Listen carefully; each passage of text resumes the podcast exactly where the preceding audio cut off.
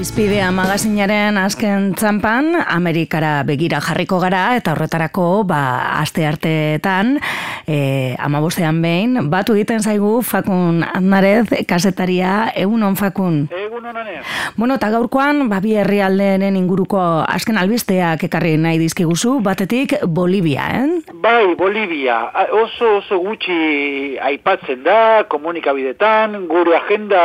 nazioarteko agendan, eleku txikia duen herrialdeak, baina begira gara botatzea merezi du, e,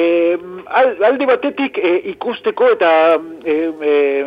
dinot, jakiteko zen, zen olako aldaketa eman den e, hogei urte e, atzera begira e, egiten badugu, ba, ikusiko genu, genituzke e, zifrak, datuak eta errealitateak e, nahiko, nahiko desberdinak gaur egun bizitzen denarekin. E,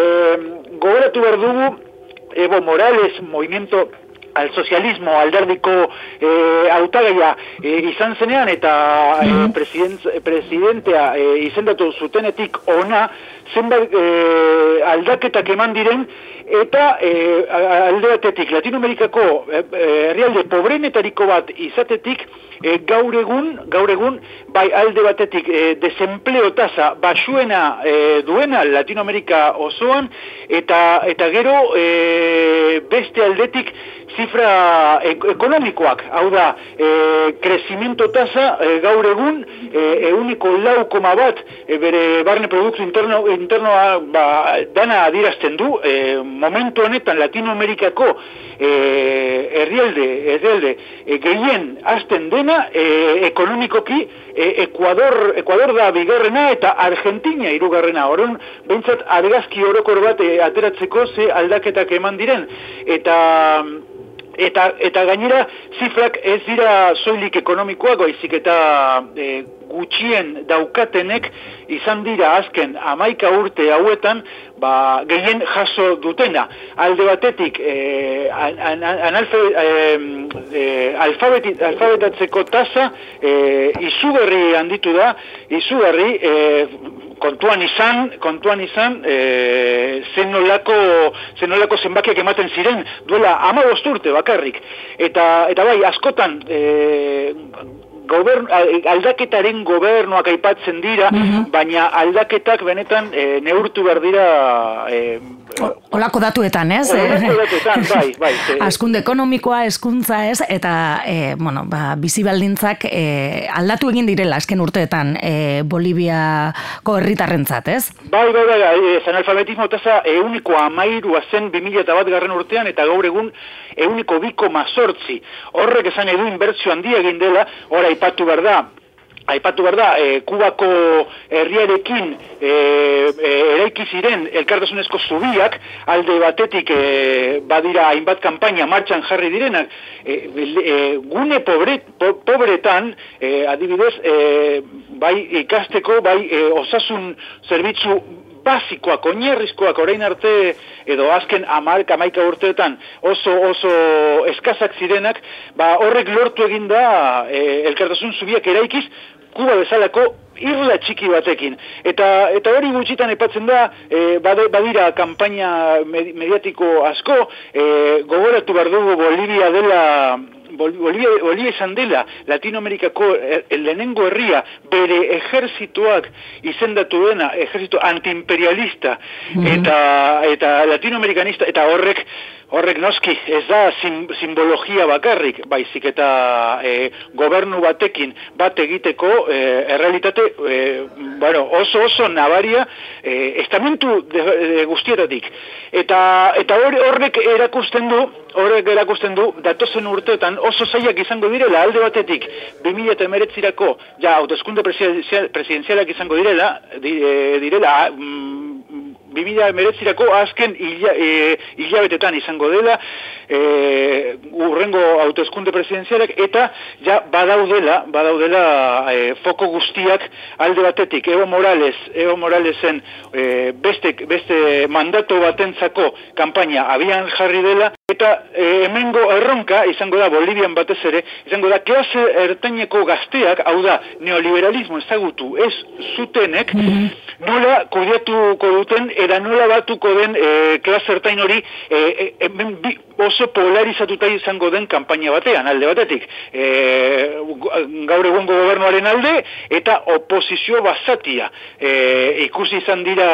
hainbat, iztiduetan ze jarrera izan zuen e, oposizioak, eta eta ikus, ikusten da, noski, imperialismoaren eskubeltza atzean, ba, ba bueno, eh, ikusi genuen bezala Paraguayen, Honduras, Brasilen, eta hainbat herrialdetan, nola parlamentuen bidez, e, estatu kolpe izkutuak eman zirenak, eta eta azken behenean, lortu, nola lortu zuen imperialismoak bere fitxak jartzea, bere peoiak jartzea, eta gaur egun ikusten dugun e, Brasil edo, edo Paraguayen, ikusten da zen nolako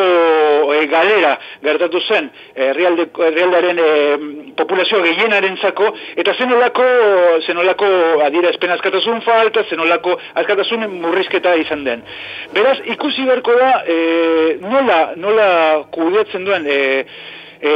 batez ere, mm, hiri nagusietan hor klasertainak nola, nola bideratzen diren bere nahiak eta bere errealitatea gaur egun kontuan izan ba, neoliberalismo basatia ezagutu ez zutenek eta hori gertatu izan da bai e, Kuban, bai Venezuelan, bai e, Bolivian gaur egun e, hori da irautza e, sozialaren beste erronka nagusia. Eta erakustea ba, ba, posible dela hobetzea gaur egungo errealitatea eta ezin dela inoendik inora atzera hueltatu e, lehen nagusiek ezagutu izan zuten e, realitate horretara. Mm Bueno, ba, Bolivia ere ekarri du gure agendara eta horren berri eman diguzu. Eta bestetik, agian Kolombiari begira bai, Euskal Herritik ere gehiago begiratu diogu, ez? Bai, bai, bai, bai. Nos, noski, e, badira, badira pareke badira realitate paraleloak, e, me, bueno, e, gau azken, azken bola hontan, bi, bi herrialdetan, eta eta bai e, Kolombia aipatu nahiko nuke alde batetik e, bueno gaur e, aste honetan justu Iban Marquez e, FARC gerrillako negoziazio nagusi daritiko bat ba aipatu egin zuela ja maiatzarako espero zuten espero zuten ja e, bakea era bat e, finkatuta izatea edo beintzat etork, ba, etorkizuna ja martxan jartzea eta e, badirudi maiatzarako e, alderdi politiko aurkeztuko duela FARC e, buru belarri e, jardungo dute de, hilabete hauetan e, haiek espero dute adibidez e, farkeko buruzai taldea handitzea, irurogeita mabi e, pertsonatik iruro, e, e, parkatu geita mabitik, irurogeita bat miembro izango duen farkeko buruzagitza, eta, eta horrek buru belarri jardungo du, ba, alderdi politiko berria, estatutuak, eta, eta bar, basekin ez gaur egungo baldintzak e, nahiko e, oraindik normalizatuta ez, ez diren arren. Ze gogoratu behar dugu tamales izan dira base sozialetan eta movimendu, herriko movimenduetan e, erailketak e, gobernuak dio paramilitarrik, paramilitarrik ez dagoela, gaur egun ofizialki paramilitarrik ez daudela, baina ikusten dira nola e, violentzia, ultraspineko violentzia eta eta herri mugimenduaren aurkako erasoak ba, jarraitzen direla e, gertatzen eta hori hori izango da erronka nagusintariko bat. Ze gogoratu behar dugu Kolombiako historian Unión Patriotiko izeneko alderdia ba zegoela euren e, militante eta aurpegi publiko gehienak erailiak izan izan zirela eta nola horrek e, gorpil zoroa berriro berriro beste vuelta matera hartu zuen eta eta gerrilla e, gerrilla gerrilla izan zen alternatiba bakarra e, milaka eta milaka personentzako e, bueno, e, erailiak izan izateko arriskuan zeudela. Beraz, e, ikusi berko da, nola, nola bideratzen diren azken e, datorren hilabetetan, ikusi berko da nola, nola ez. E, Trump, e, Trumpen gobernu berriaren jarrera Kolombia, Kol Kolombiako bak egintzaren aurrean, e, ze, bueno, askota aipatu eginda estatu betuetako gobernuaren e, parte hartzea gaur egungo realitatea e, e, gertat, gertatu dadin, ba, garrantzitsu esan zela, eta hori hori begin izan dago. Beraz, e,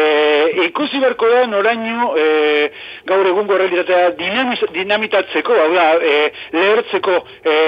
jarri erakusten duen Trumpen gobernuak, eta eta ikusi berko da benetan, e, Kolombiako gizarteak nola,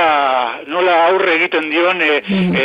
mehatxu guzti oiei, ez? Bai, eta ikusi behar, ez, ere fark e, nola egiten duen bide hori, ez, alderdi politikora bilakatzeraino, ziurrenik, ba, e, Euskal Herriko komunikabidetatik ere, ba, jarraipen handiago egingo diogu e, Kolombian gertatze, gertatuko denari, eta, bueno, ba, ke prozesu horrek ematen e, duenari, baina, fakun bukatu zaigu denbora, hemen utziko dugu, ba, berriro ere bat egingo dugu zurekin, e, bihazte barru, eta horrela ekarriko dizkibuzu ere, ba, Amerikako herrialde ezberdinetako berriak. Mi esker! Mi esker zuen, jondi zan. Bai, agur. Agur.